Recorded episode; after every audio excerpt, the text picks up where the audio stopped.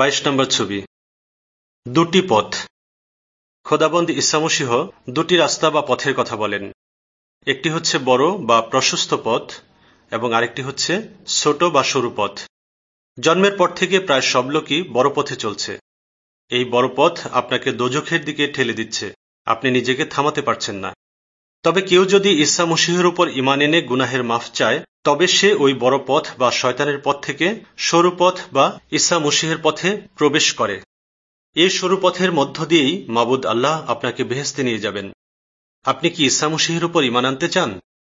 যদি তাই হয়, তাহলে এভাবে ইসা মসিহের সাথে কথা বলুন। হে ঈসা, আমি স্বীকার করি, আমি একজন গুনাহগার। আমি বিশ্বাস করি যে তুমি আমার গুনাহের জন্য সলিবে মৃত্যুবরণ করেছ। হে খোদাবন্দ ইসা মসিহ তুমি আমার গুনাহ সকল মাফ করো এবং আমার দিল সাফ করে দাও, যাতে আমি আল্লাহ পাকের সাথে বাস করতে পারি। আমিন। যদি কেউ সত্যিকারে এমনিভাবে খোদাবন্ধ ইসা মসিহের কাছে মোনাজাত করে, তাহলে সে আল্লাহ পাকের সন্তান হওয়ার অধিকার লাভ করবে এবং মাবুদ আল্লাহ হবেন তার বেহিস্তি পিতা।